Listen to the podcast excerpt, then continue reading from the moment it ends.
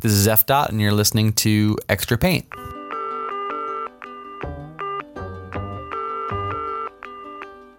Hey, my name is Eric Friedenson, aka F Dot. Extra Paint is a podcast for muralists, art lovers, and artists of all kinds. In each episode, we're talking with different artists and makers who are truly dedicated to their craft and making an impact with their community. That's what it's all about. We're building a big community of muralists around the world to help educate and inspire you to think bigger with your art. Today, I'll be joined by my co-host, Jesse Mordine, who was on a recent episode of Extra Paint. She and I run Muralists together. You should go check out her work if you haven't seen it yet on Instagram. That's Jesse Mordine. In our conversation today with Kevin, we talked about his journey to developing his signature style. He was born in Cameroon, West Africa, and raised in Savannah, Georgia. So, quite an interesting journey to unpack. All right, let's go talk to Kevin and get into it. What is up, Kevin? Thanks so much for being here on the Extra Paint podcast. Welcome. How you doing? I'm doing great, man. Thanks for having me. It's a pleasure. So for anybody who doesn't know your work, uh, how would you describe what you do and uh, a little bit about your background? I'm a muralist primarily, um, but I went to school to be an illustrator. My major was illustration. I'm also a graphic designer. Um, uh, if I could describe my, my work in one word, I would say I'm a doodler. So That's pretty much like the gist of it. That's nice. That's nice. I'm a doodler as well. When I think of doodling, I think of it as being really playful. Do you feel like when you're making your work, it's really about like playing with color and form and it's about the creative process and like yes, the end result matters, but it's really about that play. Exactly. Um I I would describe my work as being very whimsical with a lot of color and and uh focus on creating marks. Um so i fancy myself as a kid still so like that whole approach or even um the the creative process like i i don't really concept my murals. I kind of just go free flow with it. And i've been i've been fortunate to have clients who allow me to work off a of conversation you know and still like staying true to their brand and and keeping like certain elements we discussed. So it's love been, that. It's yeah. been sweet so far, you know. I've done a handful of murals like that uh, where it's just conversation, maybe yeah. look at some previous work and then exactly. they let you go go ham on it.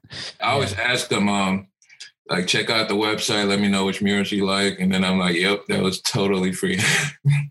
and they're like, "Let's do it." I think there's something to be said about the fact that they can look at your past work and you know trust that you're going to deliver with your with the end result right because exactly. you've built this style and you've built this like creative process that works really well for you but that's taken years and years and years right like they say um everything's been done before so uh even on Instagram like I I've, I've come across like some artists whose work I, I thought was like, oh, that's like my colors. but it's um it, it's a it's a mixture of like what what I learned in school. I graduated from SCAD. Um I was born in Cameroon, West Africa, so like growing up I always had African masks in the house, so that's a big inspiration of mine like their faces everywhere. Um I used to want to be a bird watcher till I I found out They don't make any money. So so I just do that like on the side now. I'm still like a big bird guy. Um so I always have birds. Um so it, it's like a little bit of everything that dictates and then like the whole positive message thing it's it's all about like like a message to myself first trying to stay positive and then the the after effect is what it does for everybody else who kind of gets to see it. So that's been really cool. I want to go back to the improvising murals thing cuz I feel like for a lot Definitely. of people who are might be listening they would love to have the permission to improvise on a mural but you know it didn't happen right away. It didn't happen just your first mural they let you do whatever you want. I still have to do a, a loose pencil sketch sometimes. And but then like I'm I just make sure I let them know it's not going to look exactly um like the sketch. Um before I got to where I was freestyling murals, I would say my first two murals were exactly what I what, what I gave the client. Um it was a it was a pencil sketch that went in, into Illustrator. I had to mock up all the colors and I had to do exactly what I showed him and it was very frustrating like it was annoying. So, um so what happened was I I came up on an opportunity on a big wall which wasn't paid and I kind of funded it as far as like supplies and my time and I did what I wanted you know and then and that kind of like like set a standard for everybody to see what I could do. And then and of course when I did it I made sure it was still like corporate so to say. I, it was marketable. Like I didn't I didn't you know. Nothing too dark or twisted. Nothing too dark or twisted. All all good stuff. That's awesome man. I I love to hear that. Because all it takes I feel like is that one big opportunity Definitely. where you get to well you get you, you both get to do whatever you want but you also have a lot of pressure because it feels like wow this is my big opportunity. I have this wall. I don't want to screw it up. Do you ever feel like that when you're improvising murals that you're just nervous um, it's not going to come out good? I've screwed it up man. I've definitely screwed it up. Um you know like now i would say i'm i'm like 8 years into this. When i started i was it was a big party you know like it was like I'm getting paid, but I'm out here having fun. And then you come in the next day and you're like, wow, that's a bunch of, that's a bunch of crap. And then you got to start over. And even now, sometimes like the color palette is not what I thought it'd be once I actually put it on the wall and I have to improvise. But I I don't leave till I'm happy with it, you know. Are you, do you draw a lot uh at ho at home or do you paint in a studio or what's what's your setup like? I'm an avid doodler. Um and lately maybe not as much but like while I was in school um uh when I still worked part-time jobs I was definitely doodling when I was supposed to be working all all the time. And um and and like you said it's it's it comes second nature after you've done it so much. So the characters change but it's the same eyes it's the same the same hands. Um, it's the same. If you notice, there's certain elements which remain consistent, and then I just playing with different, you know, different expressions. Um, also, like a big inspiration is um, all the cartoons I watch. Um, mm -hmm. I still watch a lot of cartoons, a lot of the old school stuff like Cow and Chicken, Dexter's Lab, what was it uh, Dragon Ball Z. I started drawing because of Dragon Ball Z, really, and. Uh, So like I I I try my wife watches SpongeBob. This is actually her mug. So I I used to watch Dragon Ball Z. I used to draw the characters as well. I'm a huge yeah. SpongeBob fan, so I feel like we're cut from similar cloth. Yeah, we got to um we got to collaborate on a wall one day, you know, that'd be freaking awesome. I was just saying that that you and Eric both like your work both really is about optimism and happiness and I could just totally see that collaboration being like epic. Like, I I'm game yeah i think what you're saying like i think a lot of people discredit like how like the the the craftsmanship and the artistry that went into cartoon making and like into those shows that we grew up with and there's yep. like when you look back at it like there is so much like attention and time put into those um graphics and i think that it is really influential. And i think your parents are like oh no tv rots your brain. But no actually like it's really inspiring. Yeah. those people who make those shows are so talented. Definitely. I remember you mentioned um so like disney um looney tunes was like super huge back for me growing up. And i remember the flip books cuz i used to watch like the documentaries. And then that made me want to be an animator early. But once I got in college and I, I think I took a year, not even a year, I think I took a class of animation and those kids did not leave the building. And I was like, yeah, I'm definitely not going to, I'm going to do the, um, the spot illustrations and then somebody can animate it. So that's kind of like how I, I went from like one, cause I, cause like those shows made me want to be an animator for sure. Like I wanted to see my characters move. But then, you know, I still think down the line, I, I would love to do a set of characters which could be animated. And I just like draw the characters. yeah, man. I, especially as soon as you said SpongeBob, I have like the song in my head. I feel like we got to put some of that SpongeBob theme music into this for a second. Blah, blah, blah, blah, blah. Definitely. That. Something that I run into with my characters when I draw them is I tend to repeat myself a lot. And draw the same character over and over and over again. And, I like consistency. I like repetition with variation, of course, like a little bit of variation. But uh, did you feel like you developed a whole set of characters at the same time, or was it like a slow progression and now you have these go tos, or was it like one character at a time? I'm just curious what that looked like. That's a question that I get sometimes about my character. So, how would you answer that? I would definitely say some of these characters exist in some old sketchbooks. But like I said, it's the same, it's the same like beat, the same bird beak this you know it's the same um the same nose. So I still I still try to develop them. You know sometimes I would I would look at a reference and then kind of like funk it up to where I'm happy with it and then and then I try to just make that as abstract as possible. So I definitely have some go-to I would say more go-to features. Then I try to like merge the background with the characters. So and then like kids especially they see all they see characters that did not even intend to be in there. So that's that's like always awesome. I wanted to ask you a little bit about where you've painted murals. Because before we got on the call you were telling me um nashville atlanta memphis. Uh what's it like painting murals in these in these cities? Are they are they pretty accepting of artists? Uh cuz i haven't painted in any of these cities. Actually uh, I did one in atlanta an interior mural but that's it. Definitely. Um, Atlanta's like a second home for me. Um, they have a big street art scene, right? In uh, little definitely. five points. Yeah, and it's it's actually it's it's extending right now. Um, cuz even some of the murals I've done are like in Chambly, which is on the outskirts, still considered Atlanta, but it's a good 30 minute drive from like Metro Atlanta.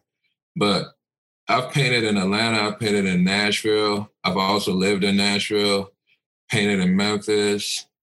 I painted in Arkansas for a book festival, actually a movie festival. Um, it was called the Bentonville Movie Festival. Where else? And of course, Savannah, which is where I grew up.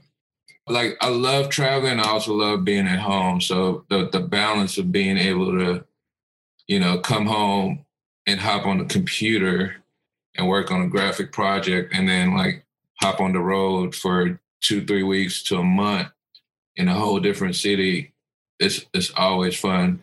The the communities have been real welcoming. I always meet people. Sometimes I get new projects just by the people I meet. So I haven't really like had had a city where it was it was weird, yeah. That's great to hear. I think like an important part of this puzzle that sometimes people don't remember is that like we need to have support systems. And it seems like your wife helps you with like promoting your work or managing your work. And like that's a really awesome collaboration or duo you know to be able to have someone that you know you work with to be able to get your work out there.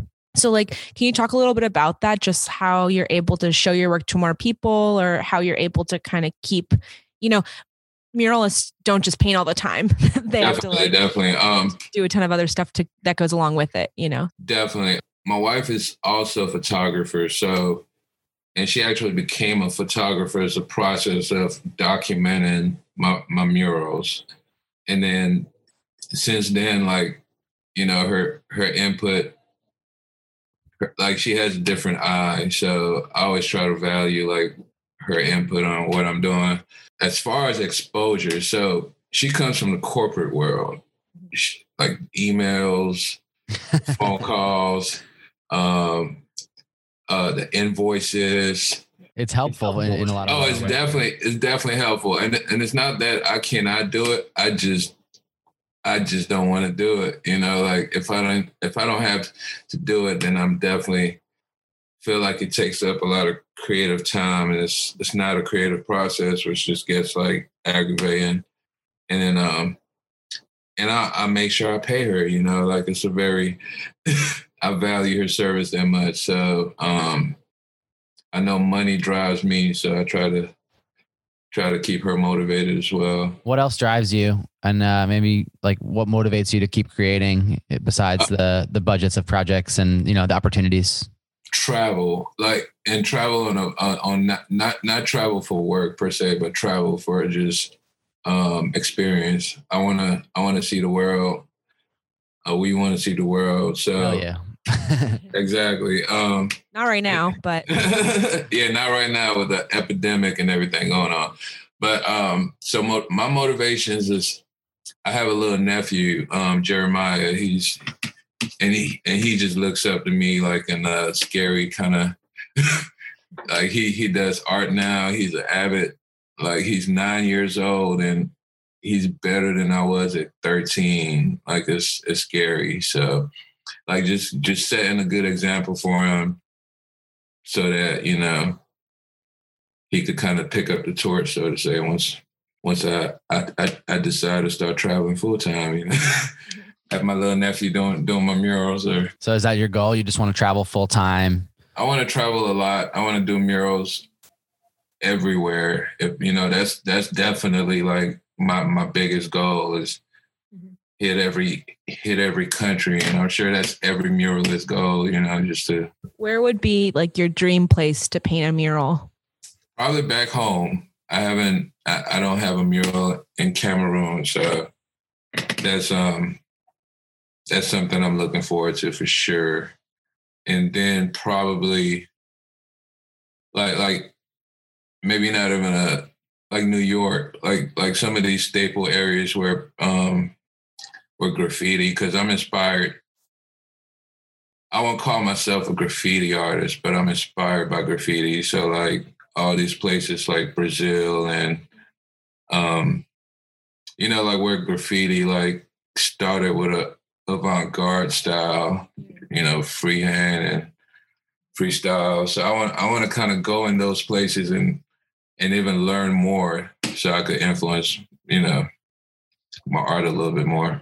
Yeah, yeah. I didn't grow up doing graffiti uh myself. Yeah. Not much, maybe a little bit here and there, but I definitely was influenced by it just by seeing it and I didn't really appreciate it or think about it as much as I do now until only like a couple years ago, really, because I I learned more about the history of graffiti in New York and yeah. the, the, subway trains and exactly, yeah. just looking into it and and even how like Europe yeah. has a whole different lingo, you know, um, Berlin and yeah, yeah, and London for sure. A lot of really great big cities yeah. like develop their own graffiti culture which yeah. it does influence us even if we studied something else in college it's like exactly. st we still see it all the time and that's cool that you want to go back to Cameroon. Do you know um to paint a mural, I mean. uh, do you know any other Cameroonian artists or uh, um, like is that a big thing there?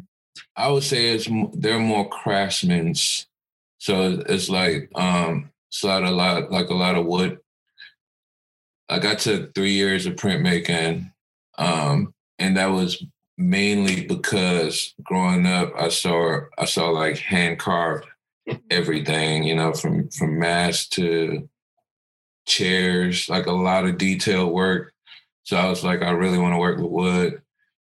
I'm not aware of any muralists, but I'm sure I'm sure it is cuz the communities are very colorful. Like I I would describe the way some homes are colored as murals, you know. So one of the things that we really love about your work is that you're not afraid to just experiment, play and and make something that just feels happy.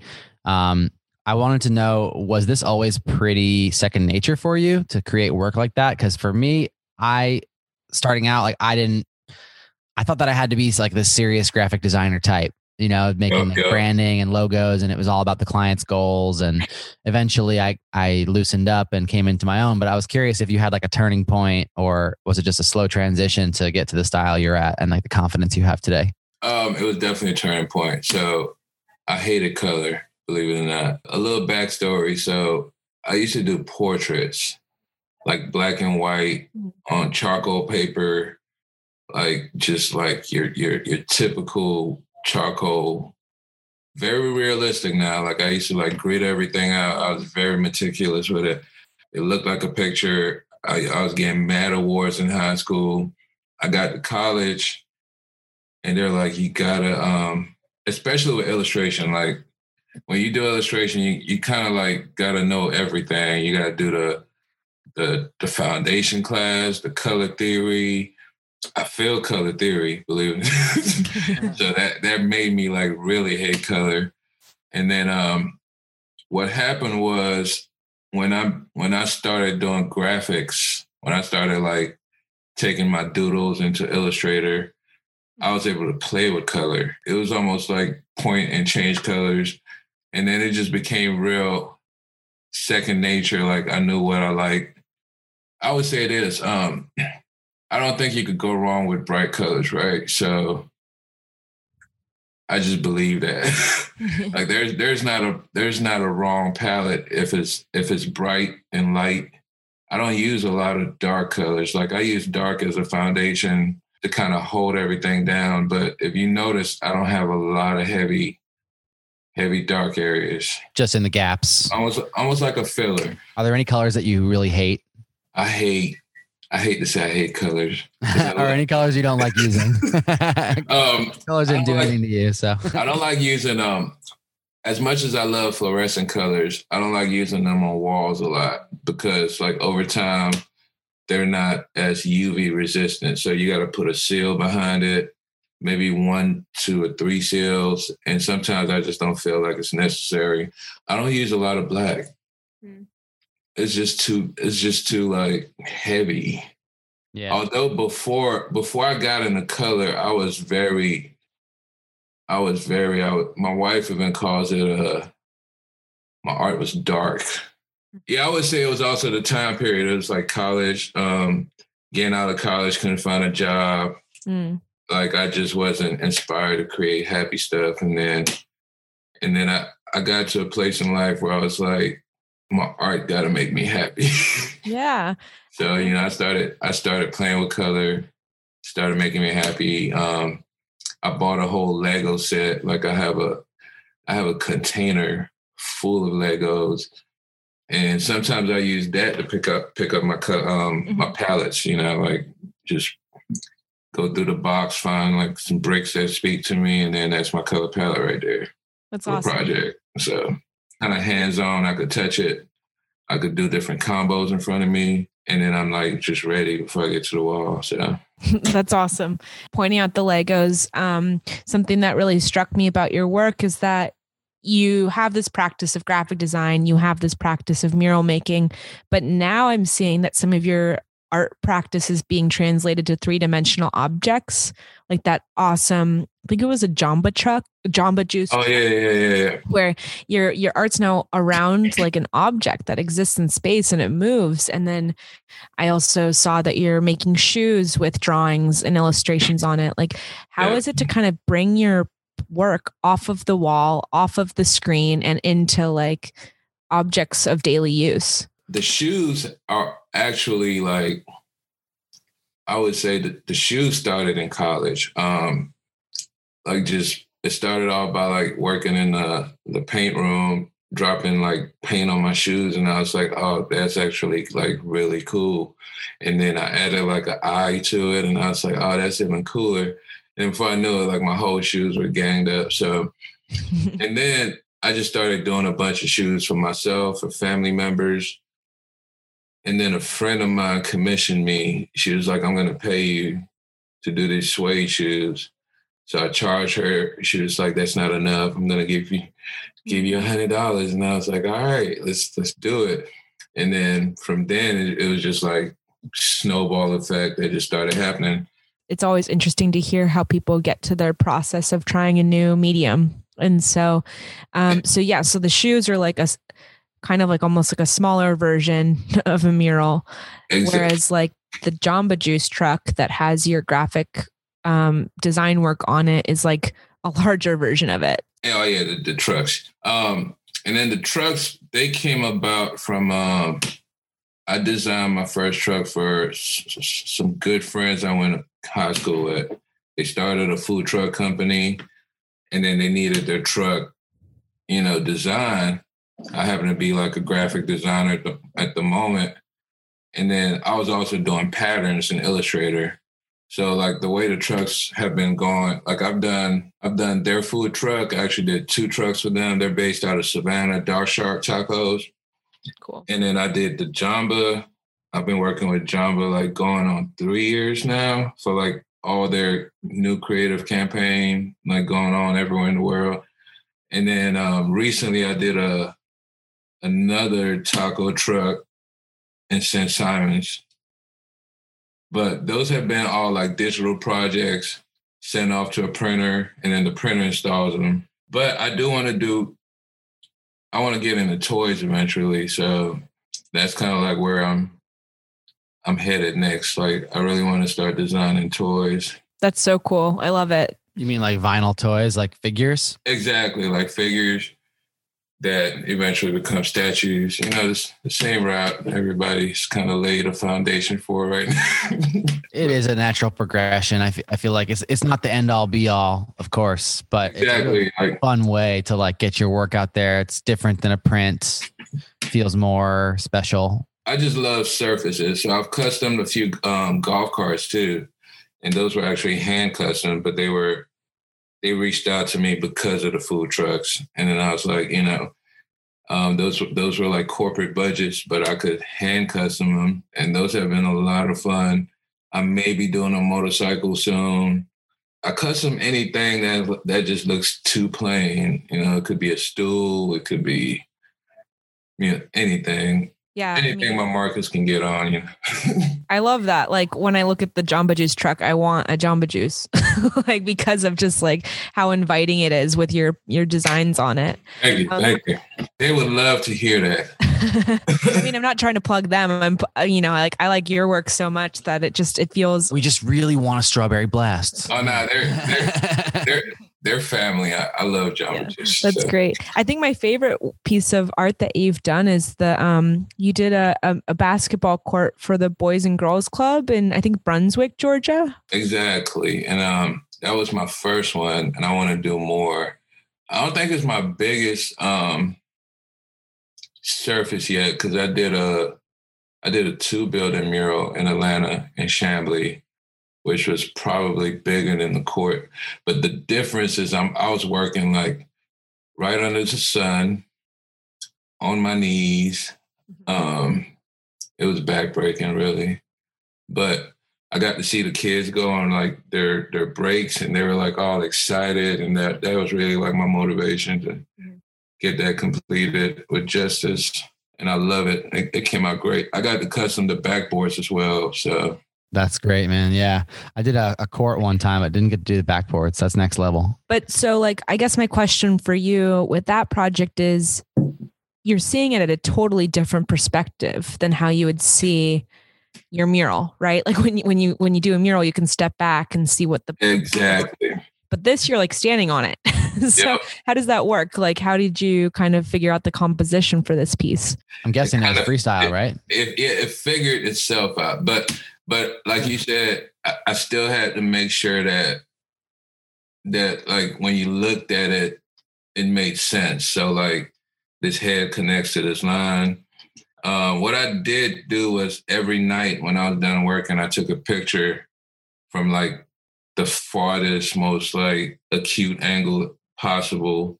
And then I was able to like kind of like see the image so that I knew how to like you know, finish certain characters on there. And then I also thought about them as being like, if I was in a helicopter, like how would this look? And, and it came out like the way I thought. cuz somebody like did a drone shot and I was like, perfect, that, that works.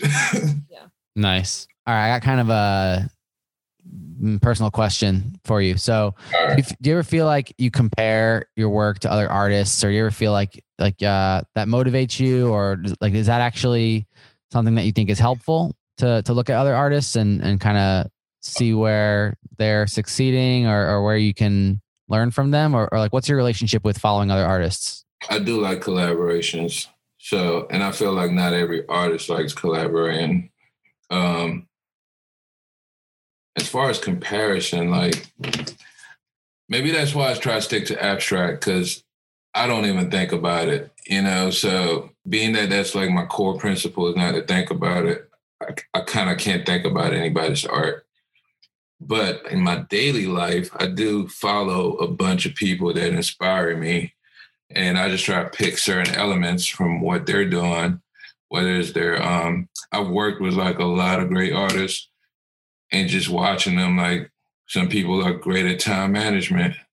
Some people are great at like not goofing off. Um, some people like, you know, do not drink when they work. Like it's all kind of, and then like, if you have respect for their work, like you're going to walk away with at least one of those principles and apply it to your work. For me, it's more like, it's more like the story of the artist. That, that That's what inspires me. Like not necessarily what they're doing, but like how they got, to, like what did they do every day to get to where they're at? cuz I'm trying to get there. So And then if you kind of feel like if you do that, then your art should just like naturally become its own, you know? Yeah, it's crazy how we're pretty much just like the sum of our habits and the things that we put time into every day, right? Exactly, exactly. I'm by far not doing everything I need to do, but no, um, always room for improvement, but you have exactly. be grateful for where you're at too. Exactly. But like Picasso, Picasso is probably like one of my biggest inspirations. And, and I feel like if you look at my stuff, you definitely see like the same nose. Um, I'm big on faces. If you could learn from another artist and compliment them instead of like just doing what they're doing, that's, that's like the ultimate, you know, respect. Yeah, and I think it's also cool when you when you choose an inspiration that is no longer practicing too because Picasso's long gone and so no one's going to going to, you know, come out and say like you're you're biting Picasso's stuff, man. No, it's like it's it's all it's so far gone that like any kind of abstraction of Picasso that you get inspired like with with today's context, yeah. it just takes on a whole new life. Like I used to do yeah. watercolors um cuz I was a big Andrew White fan. Um I used to do Diego Rivera. So, you're right though. A lot of my inspiration is like it's either craftspeople or I'm big on architecture just because of the shapes. So it's more like people who have processes are not here anymore cuz mm -hmm. but I'm still inspired like I have a lot of good friends um good friend of mine did all the murals in Black Panther and I actually went to school with him and he's he's he was like he he was doing street art like graffiti and I used to go out with him all the time and just watch like a hawk I mean so he's a big inspiration you know, it's a bunch of other guys that are like big inspirations. I think it's and are still living. Yeah. it's great to have a community of people that you feel like you can be inspired by and they can be inspired by you. Do you feel like I mean you spent much of like a lot of your life in Georgia. Do you feel like there is a big um muralists community that's really supportive of each other in Georgia? I would say definitely now it's a lot of it's a lot of collaboration, it's a lot of support when I started, I felt like it was very click. You know, it was kind of like if you weren't like hanging out with certain people, you just weren't you weren't getting invited for shows. But it's not like that anymore. I feel like I feel like everybody kind of wants to see everybody doing good. So Georgia's been real beautiful. Um I get a lot of support. I work in a lot of cities. Um I just did a project in Hinesville which doesn't even have any murals. But now they're talking about bringing me in for, because that was an interior project. And they're talking about bringing me in to do something outside. And if that happens, I'll be like probably one of the first murals in that little city. So mm, that's great. Um, that's awesome. And this is a community that probably doesn't doesn't really know too much about murals. So mm -hmm the love is definitely down here for sure. Like I see Georgia as a superhero this year. I'm very happy with how they, you know, they showed up to the polls. Yeah. This isn't a political podcast, but um, you know, they It was it was a unexpected. Yeah. Um, but I'm just kind of curious was there a lot of like political art happening in Georgia leading up to the election?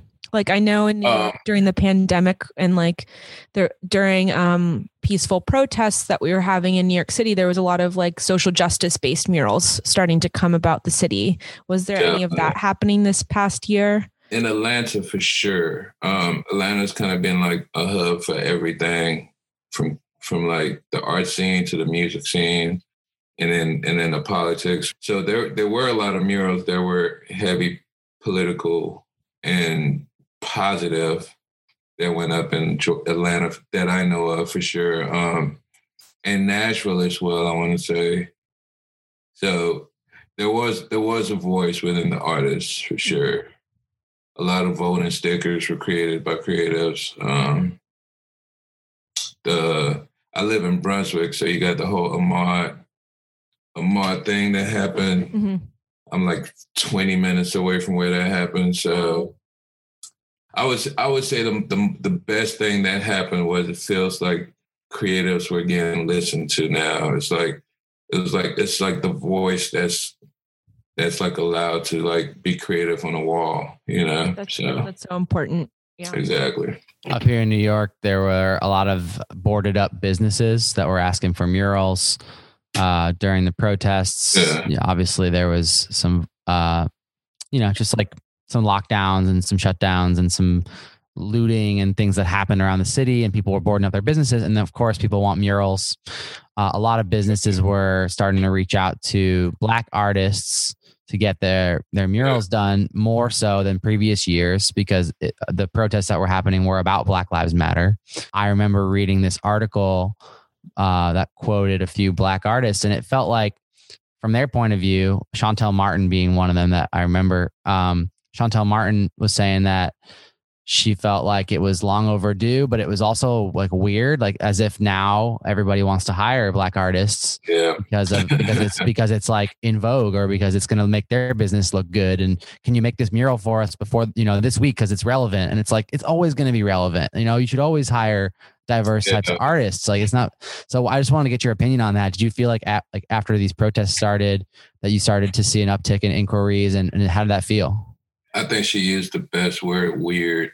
And I, I think the key would be to see how this goes after, after, like when the next thing happens, you know, like, like what are we, are we going to be consistent with this support? I mean, I've noticed, I, I won't say necessarily an increase, but more support mm -hmm. on the virtual front, you know, like more reblogging, check this guy out, for me because my work is positive and and it's all about happiness and spreading unity and taking you out of a space which is like negative right? Mm -hmm. so so the the effect of it is is in my opinion good. I'm just curious how it's going to be yeah. when when when the next you know like cuz it's it's going to be something. I've been, I, I would say this, um, like before the Black Lives Matter started, like in the, in the pandemic of COVID, because a lot of businesses were closed, I think muralists also got a surplus in work because they could work in spaces that were previously occupied during the day. So that was also weird to me because I was getting more work. And it was like, I was working in Atlanta in a building that was like quarantine. I was like the only person that could get in there but I had like a 20 foot story building to just like run around and it, it was awesome.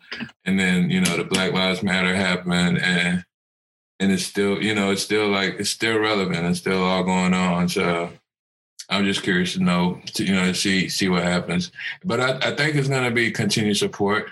Hopefully that support like the LGBT stuff going on, which has also had like a major influx like just uh, as far as like just a voice in the community um I really hope it's it's a change that's and then Georgia going blue like it can only get better so. Yeah I hope I hope there's just more art in general and more like opportunity for you know various artists to participate in the arts. But down here in Brunswick when we got here about 3 years ago it wasn't a big mural city.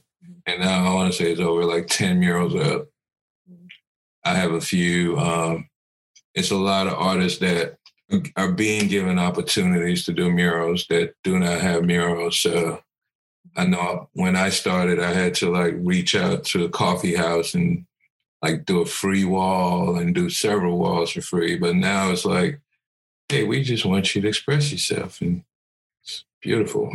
That's awesome to hear. I think um, going back to what you said, like if there's any art I want to see during a pandemic, it's probably yours just cuz it is so oh, positive and optimistic. Seems like you got a great opportunity this year and that's working with Adobe. Yeah. Um, so if you could just tell us what you're doing with them and how it's, uh, you know, impacting your work now or influencing your work? Like what are you what what's going on with Adobe? So I was invited to create a t-shirt for their um Adobe Max conference which happened 4 months ago maybe. And that was a virtual conference. It usually before the pandemic was something that happened like in person. Um so I was part of a creative team that was sourced from all around the world. And everybody was kind of given a a t-shirt color.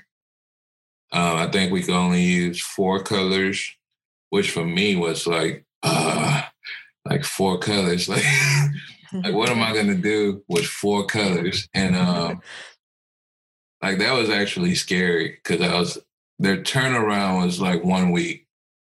And I was like, "Ah, oh, this is but the pay, you know, thank you Adobe. It's it was a learning process. Um I hope I work with them again. But again, working with four colors, I kind of like approached it. My fifth color was just cutting the shape. So like that fifth color is going to be the color of the shirt. And then once I figured that out, I was like, all right, I have five colors now. I could kind of, I could still like have that layered effect that's in my work. cuz for me, I want you to see like several, you know, like it's, it's a layered process.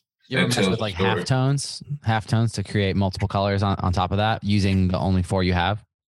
Uh, I thought about it. I actually, um, I gave um, I want to say I had a sample. I had one or two samples that I used half tones, and then they were they chose like the blue one. That was definitely like my first go to. Like boom, I have a mural coming up in Nashville. I may play with half tones on there cuz their palette is limited and I can't cut out a wall, so you know, mm-hmm. gonna have to gonna have to figure that out. So that's that's probably going to be the route. Yeah, I was just about to ask like what's next for you. So in addition to this um Nashville mural, do you have any other uh, projects you're super excited about? Um I just did well I didn't I'm not complete yet, but I did Fort Warrior. They're like a mural um festival in Atlanta kind of happens annually in Cabbage Town, which is like this really long wall that goes around the whole neighborhood and it's just like murals back to back. So I started that last month and I plan to finish that before the year is up as I hit the road. So maybe on the way up to Nashville, on the way back from Nashville, I'm going to be in Atlanta finishing up that mural and there's another big mural in Atlanta. Don't want to say the name cuz I want I want to jinx myself. Yeah. No, and, don't worry about it. and it does, and it doesn't happen. I feel like a fool. But if that if that goes down, it's going to be like a really especially because it's so it's such a landmark in Atlanta like mm -hmm. I'm really hoping everything pans out with that. Sounds like a lot. It's great. That's great. You got some stuff lined up, man. It's tough. It's all, it's, tough. It's, it's, all, tough. it's all it's all floating. You know how that goes. Like it's yeah. just it's revolving and kind of drops around when it feels like until you get that deposit, it's like not Exa real. Yep, it's not real. It's not real. Man. I had to learn the hard way. I used to like get real depressed thinking I got a job and it's like, yeah, we we decided to like hold this project off for like a month. Like you had me so happy. yeah. Yeah, I I always remind myself of that and remind Jesse that like yeah, until you get the contract signed, until you get the deposit, you can't get your hopes up. And I think it's just yeah, it takes kind of like getting burned once or twice. Yep. Really have that set in. you know what I mean? And it hurts, man. It's like it's a broken heart. Yeah. Especially when you're like you got bills and you're like, "Uh." I just landed like my first kind of client that I work with on a like, you know, now starting to go on like a monthly basis, but I typically just sell my own work like individually, right? So when, yeah. when it's something where it's a big company, you're just kind of like, uh, like hesitant, but it's also really exciting that something like that wants your work in their space, Definitely. right? Definitely. And so it's kind of like, yeah, you have to like hold the brakes for a sec and not jinx it or not, you know. I think that's important because I think that there for for many of our listeners, there's going to be a point for them where they're like, wow, this this is my moment to like get to the next step. And it's yeah. like you got to still like slow down and realize that it's still a process and you're not there yet. It definitely is. Yeah. I, I I'll say this um I had this one job. We were talking about it for a whole year. And then they were ready to go. They're ready to send the deposit. And they're like oh yeah the location is going to be closed because of the epidemic. And we got to postpone this indefinitely. I'm talking about like I had they asked for the invoice. Mm -hmm. I yeah. sent it. The email after that was you should receive it within the next 3 days and then the next morning they're like ah but you know yeah that's like this this year for so many and it's just so frustrating yeah. but you know it seems like you're I took a walk like I took a long walk and just yeah did some breathing exercises I'm sure because it, it, does impact you. And I think a lot of people this year have been really like impacted. Like a lot of creatives have lost opportunities and it, it really sucks because you, it's not just that like getting that project done, it's like that time thinking about it before you start yeah. that job. Like you probably exactly. were thinking about like what you wanted to paint, how you're yeah, going to fill that colors. You know, factoring in like your time so you can't take on other projects kind of thing. So that is frustrating. Yeah. Um, another, another project, um, well, not a project, more of a gig next year is I'm going to be teaching in Toledo and, and on St. Simon's Island. Um, so cool. That's, that's something I'm looking forward to. It's a little different, but because it's kids, I think it's going to be a lot of fun. I'm being invited as a visiting artist and it's only going to be like a week, two week program where I come in and I get to meet all the grades part of the project is working on a mural that's going to live in the school but it's going to be a collaborative process with the kids so we may come up with a concept for the how it's going to look and then I'm going to help them paint it what I want is like somebody to leave that space from me to me and just like know they can do art for a living you know so I think that'd be awesome. That's all it takes, man, is one mentor in your life, right? That gives yeah. you permission to to just be yourself and make stuff and yeah that's awesome that you you want that to be you want you want to be that for somebody else. Definitely. I know i know that's all it takes for a kid you know like you, they just got to see it and it's like it's, once you make that decision at a certain age if it's meant to be like you're not going to give up on it. Yeah it's life changing definitely. What's um one piece of advice you want to give the muralists extra paint community today?